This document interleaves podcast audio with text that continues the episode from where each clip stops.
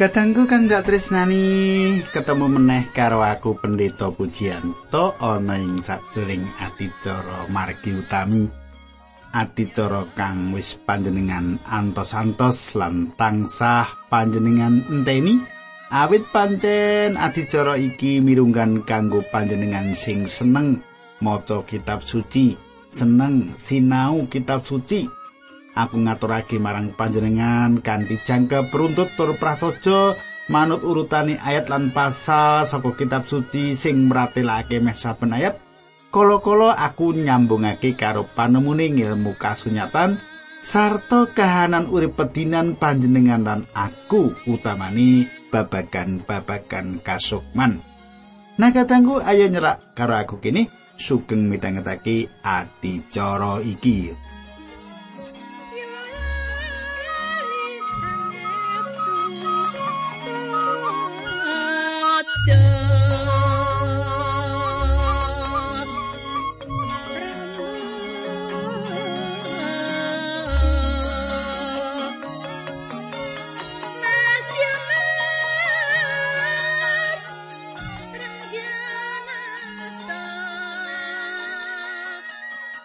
Sumitraku kang ndak tresnani tak jaluk panjenengan isih kelingan apa sing ndak aturake nalika ana patemon kita kang kepungkur?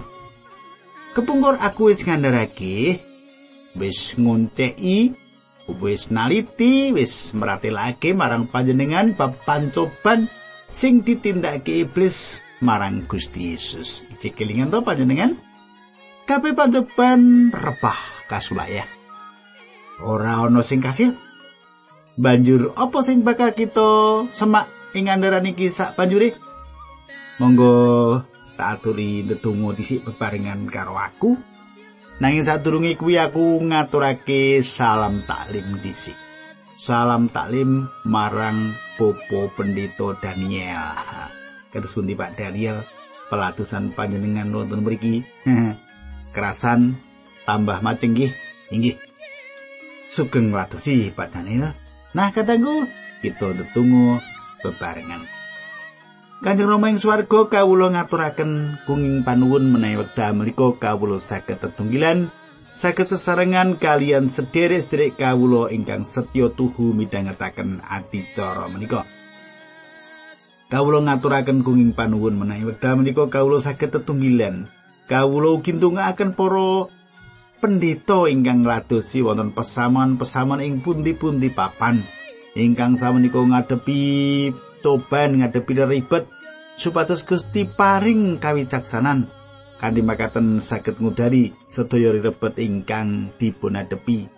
Linambaran asmanipun Gusti Yesus Kristus kawula tetunggu haleluya. Amin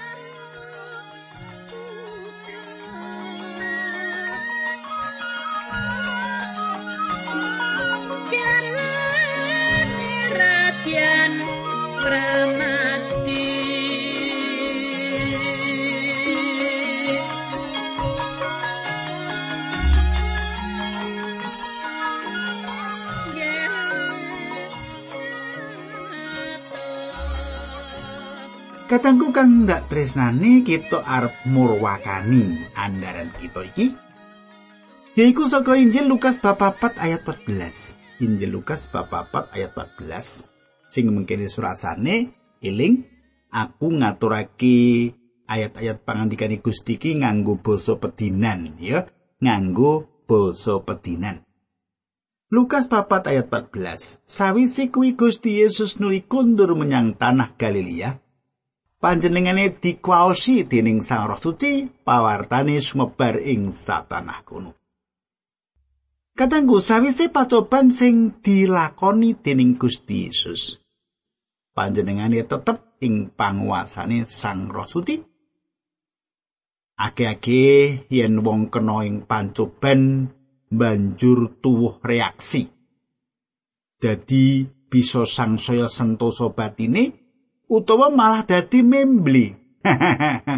Ngelokro ora ndedaya marga pancoban sing nempuh ing uripe. pacoban lan kasangsaran pancen bisa ndadekake urip kita dadi endah nanging uga bisa uga dadi susah dadi sedih dadi ora ndedaya ora ndek kekuatan ye panjenengan nek nampa coban apa ndadekke sentosa batin panjenengan? Anggone sumindi karo Gusti Allah apa malah jenengan terus nglokro? Wegah nang gereja? Gusti Allah ning ngendi wong? Ya rekasane kaya ngene aku nderek ya ora ditulungi. Apa ngono? Nek ketangku contoh sing bisa kita sinau? Contoh sing bisa kita sinau yen saka srengenge sing mung siji iku bisa gawi leleng lilin lilin lelek nanging uga bisa ndadekke lempung dadi tambah atos Gusti Allah ora bakal mangkotake penggalih panjenengan. Gusti Allah uga ora ngersakake atine prengon dadi wangkot nanging pancen atine prengon ing wektu iku wis wangkot. Lan Gusti Allah nedahake marang kita kahanane prengon sing saknyatane. Gusti Yesus manjalmo sak wutuhe dadi menungso. Gusti Yesus manjalmo dadi menungso sak wutuhe. Mula panjenengani mbutuhake Sang Roh Suci supaya tanggun kanggo ngadepi saliring pancoban dosa lan kasangsaran. Semono kita kanggo ngadepi kahanan urip saben dinane Sang Roh Suci kudu kita papanake ana ing punjering urip kita supaya apa? Supaya dadi suluwe urip kita. minangka cetri wong percaya ora duwe roh suci ora duwe suluwe urip nah saiki diteruske Lukas 4 ayat 15 Gusti Yesus memulang ana ing sinagoge sinagoge iku papan pangibadate wong Yahudi lan wong kabeh padha ngalembono panjenengane ketenggu sawise dicoba Gusti Yesus banjur kondur menyang Galilea mulang ana papan pangibadahe wong Yahudi. Ing panggonan iku Gusti Yesus dimulyakake dening wong-wong ing kono. Panjenengane dialembono lan disubyo-subyo. Pangandikan iki kaya-kaya lagi ngesokake pujian katur Allah. Bisa wae lambene atur pamuji, nanging atine nolak marang Gusti Yesus. Ora saben wong sing padha melu ngitung kasukman iku padha pracaya marang apa sing dingendikake dening Gusti Yesus. Wong akeh sing padha surak-surak hosana lan kepengin yen Gusti Yesus sing bakal dadi rajane Israel. Wong-wong iku uga sing rame-rame melu ngiring Gusti Yesus menyang pamatangan nang salib. Kedadian kaya ngene iki bisa wae kedadian ing urip kita. Dino iki, muji-muji asmane Gusti kaya bangsa mau ya muji-muji esuk e wis melu nyalipake Gusti ini saiki dadi Kristen sing apik nyang gereja keplok-keplok wah muji Gusti nek ndonga tangane diangkat sesuk wis ngrutuki gereja bisa wae kita iki kaya mangkono kuwi saiki panjenengan piye kaantepan panjenengan derek Gusti Yesus kepiye panjenengan saiki iso gagapi gagapi lakune uripe panjenengan dhewe. Diterusake ayat 16, pitulas wolulas nganti ayat selikur ya. Mungkin surasane ayat-ayat iku tak waca iki alon-alon. Sawise kuwi Gusti Yesus nuli tindak menyang kutha Nasaret, kutha asale Gusti Yesus piyambak ing dina Sabat. Gusti Yesus kaya adat saben tindak menyang sinagoge.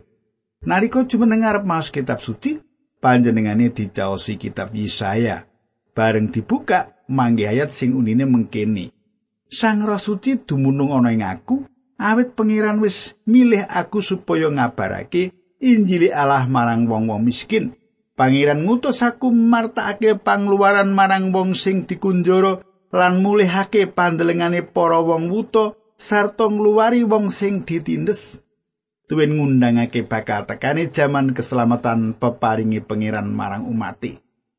Sawise kitab mau ditutup lan dibalake marang wong sing mau ngaturake Gusti Yesus nuli lenggah. Wong kabeh sing ana ing sinagoge padha mandeng panjenengani. ayat selikur Gusti Yesus nuli ngendikake mengkene. Ing dina iki ya nalika kowe padha ngrungokake anggonku maca ayat-ayat ing kitab suci mau isining tulisan kuwi mau wis kelakon. Katengku kang dak tresnani lelakon iki mung katulis ana ing Injil Lukas. Mula kita ora bakal ngliwati ngono wae. Sawise dicoba Gusti Yesus kondur menyang kutha kelahirane Ya mesti wae yen wong-wong ing kuthane mau padha mongkok atine jalaran ana wong asli saka kono sing dadi priagung sing misuwur. Kaya adat sabne yen dina sabat Gusti Yesus tindak menyang sinagoge ing Nasaret. Pancen saben dina sabat Gusti Yesus tindak menyang sinagoge. Panggonan iki dadi punjere kegiatan agama tumrap wong Yahudi. Dalam pamujan Yahudi iki ditekake nalika jaman Israel dislonging Babel. Nalika semono Israel adoh saka negarane, adoh saka bait suci lan uga adoh saka mespeh-mespeh. Mula kepinginane padha kumpul, ndedonga ngabekti marang Allah sing tukul ing atine para wong mursid Israel iki banjur padha nganake pangibadahan. Coba panjenengan semak Yehezkiel 14 ayat 1. Ana pemimpin Israel marani aku takon bab kersane pengiran.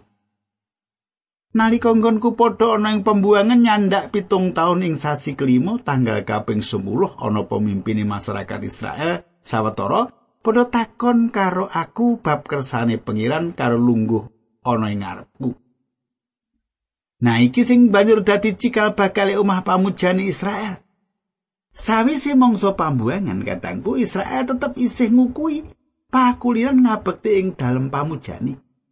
Wiwitane panggonan iku kanggo nalsih lan nyinau hukume Musa. Nuli ditambahi kanggo ndedonga lan ngrungokake khotbah. Suwe-suwe dalem pamujani iki dadi panggonan kanggo ngula mentah masyarakat umum ing babagan hukum Taurat.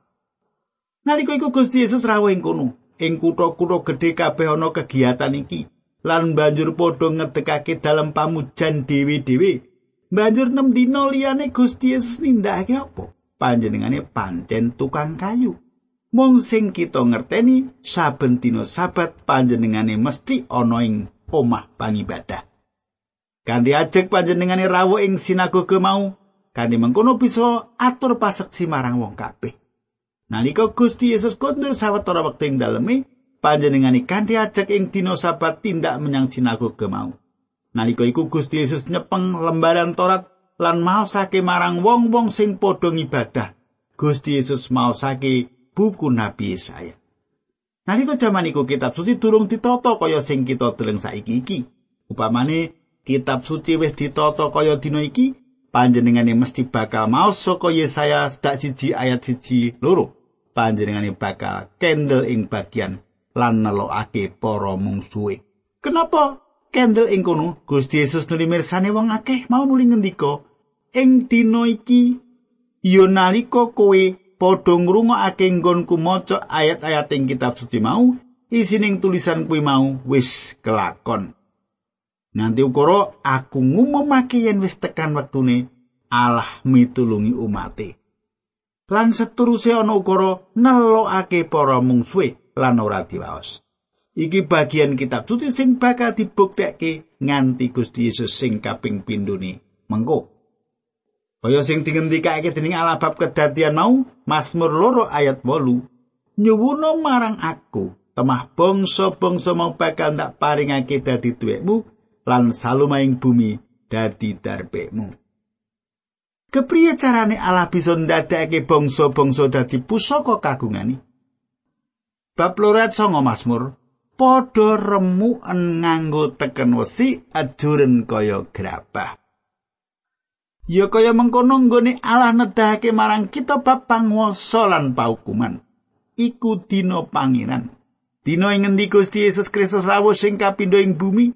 Nalika rawuh sing kawitan Gusti Yesus ngabarake kabar kasukan yaiku Injil sing bakal nyelametake wong-wong mlarat supaya wilujeng uripe.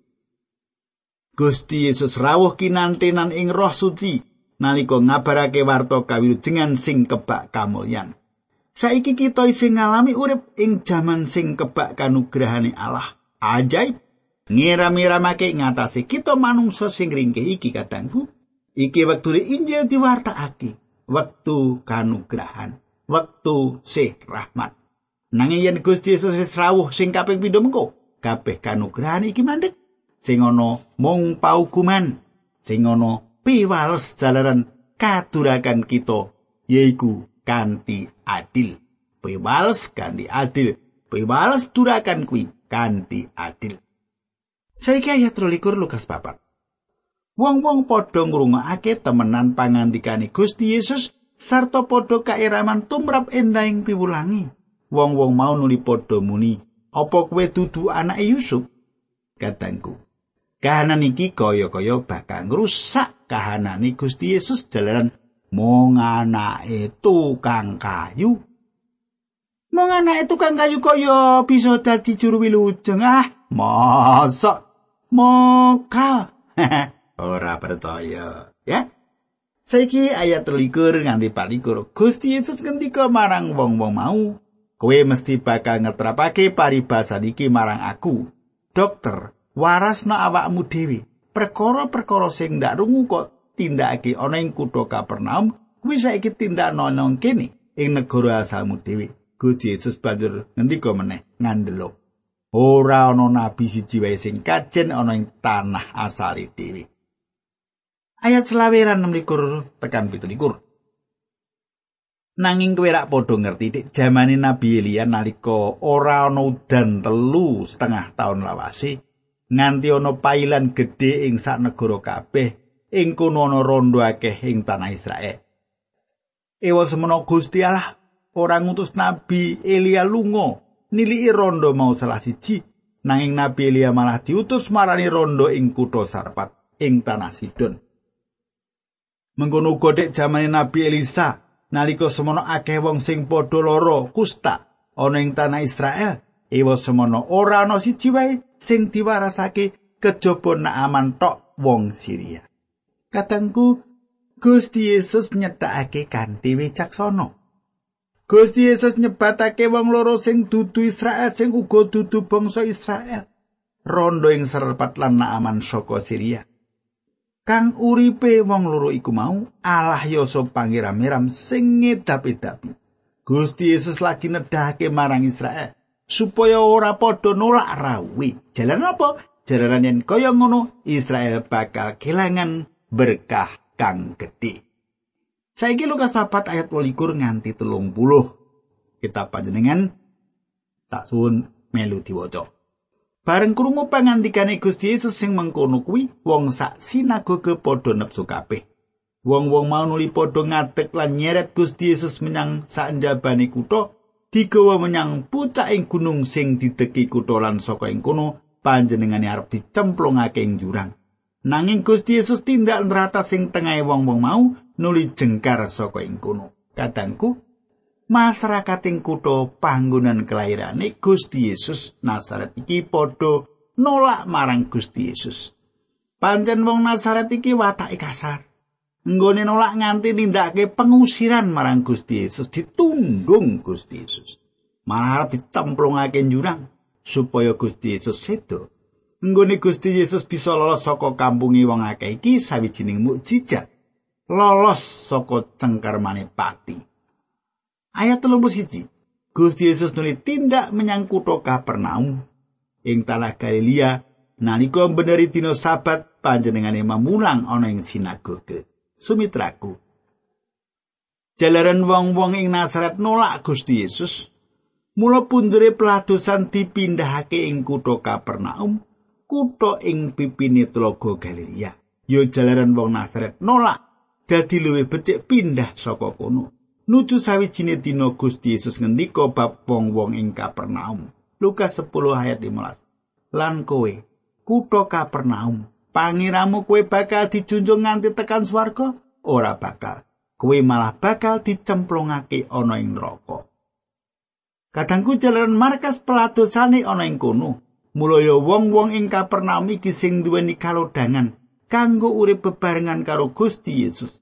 nanging yen wong Kapernaum ora migunakake wektu kanggo mertobat mesti bakal kaya apa sing ditulis ing ayat mau dicemplungake ing neraka. Lukas papat ayat 32. Wong-wong padha gumun bab carane memulang mau awit tembung-tembung sing diucapake kuwi gedhe banget kawibawane. Kadangku, nalika Gusti Yesus mulang ana ing sinagoge, panjenengane ora ngendika kaya dene ahli Taurat utawa Parisi, nanging mulang kanthi panguasane Allah. Saiki diterusake ayat 33 nganti 36 tak wacake ya.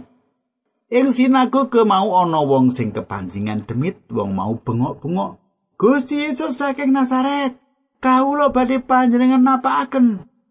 Menapa panjenengan badhe ngrisak kawula? Kawula mangertos sinten panjenengan menika. Panjenengan menika tiang suci, utusanipun Gusti Allah. Demit mau tumuli disentak dening Gusti Yesus. Menang. Metu saka wong kuwi. Demit nuli banting wong sing diangsulpi mau ing ngarepe wong akeh, banjur metu tanpa gawe larane wong mau. Wong kabeh padha eram sarta padha rasanan, wah, hebat banget piulangi. Srana kawibawane lan panguwasane, wong kuwi nundungi demit lan demit-demit mau ya banjur padha metu temenan. Ayat 37. kabar bab Gusti Yesus mau nulis mebar ing satanah kono kabeh. Kadangku ing jaman iki ora bisa disilai yen isih akeh wong-wong sing ora percaya marang Allah nanging padha nyembah brahala. Nyembah setan, iblis, iblis setan isih disembah. Kadangku, setan, iblis lan sak jinise isih terus regep nyambut gawe. Kanggo narik kita menyang pepeteng. Kanggo nggeret kita menyang pepeteng. Iki ditindakake wiwit kuno mula. Nalika Gusti Yesus rawuh ing donya setan uga nindakake penggawean iki. Apa tugase nyasarake kula lan panjenengan. Nyasarake manungsa. Lelakon iki nggambarake nalika Gusti Yesus ngusir setan saka wong sing kesurupan. Saiki Lukas 38 ayat 39, Lukas 4 ayat 38 lan 39. Gusti Yesus tindak saka ing sinagoga mau menyang omahe Simon, ibune maratuwa Simon lagi lara panas lan ana wong sing padha ngaturi pirsa bab kuwi marang Gusti Yesus. Panjenengan nuli nyelaki peturone sing lara mau, banjur ngusir larane. Wong mau dadi waras, nuli tangi sanalika lan nglateni para tamune. Katanggu, nalika iku Gusti Yesus ana omahe maratuwane Petrus. Lan marasake larane nggone lara panas iki ora penyakit bain-bain sebab panase dhuwur. Gusti Yesus ngusir larane panas mau. Maratuwane Petrus banjur waras kaya winguni. Warase maratuwane Petrus ora kanthi cara alon-alon nanging langsung waras. Nalika Gusti Yesus ngusir penyakit iku ing basa asli duweni teges dibungkem, ditutupi cangkeme, mula wong wadon mau banjur waras sak dek sak nyet tangi lan ngladosi Gusti Yesus lan rombongani. Saiki Lukas papat ayat patang puluh nganti ayat patang puluh papat. Bareng wis hurup wong kabeh sing padha duwe sanak sedulur loro padha nyuwanake sing loro mau ing ngarsane Gusti Yesus, wong-wong loro mau genti-genti padha ditumpangi astane temah padha mari. Akeh wong kepanjingan sing demite ditundungi banjur metu karo jerit-jerit, "Kula semerep bilih panjenengan menika putranipun Allah. Demit-demit mau ditukani tining Gusti Yesus ora diparengake muni sing kaya mengkono sebab demit-demit kuwi padha ngerti yen Gusti Yesus kuwi Sang Kristus. Bareng srengenge wis mlethek Gusti Yesus nuli tindak saka ing kutha kono menyang panggonan sing sepi, wong-wong banjur padha goleki. Bareng wis ketemu li padha nyuwun supaya panjenengane aja jengkar saka ing kono. Nanging Gusti Yesus ngendika marang wong-wong mau, kabar kabungan bab kratone Allah kuwi kudu diwartakake uga ing kutha-kutha liyane awit iya kuwi perlune nggonku diutus. Ayat 44 panjenengane iya banjur memulang ana ing sinagoge-sinagoge ing tanah Yudea. Katanggu nggon ing ladosi Gusti Yesus wiwit esuk nganti ndungkap mengi ana ing sinagoge. Gusti Yesus nuli jengkar saka pinarake lan nemoni wong-wong sing padha ngumpul ing kono sarta marasake sing padha lara ing Injil Matius metik apa sing dingendikake Nabi Yesaya Matius 8 ayat 17 Gusti Yesus nindakake kuwi mau kabeh supaya kelakon temenan apa sing wis dingendikake dening Nabi Yesaya Panjenengane wis nyanggi kasangsaran kita lan marasake saking lara kita Gusti Yesus marasake kanthi ajaib.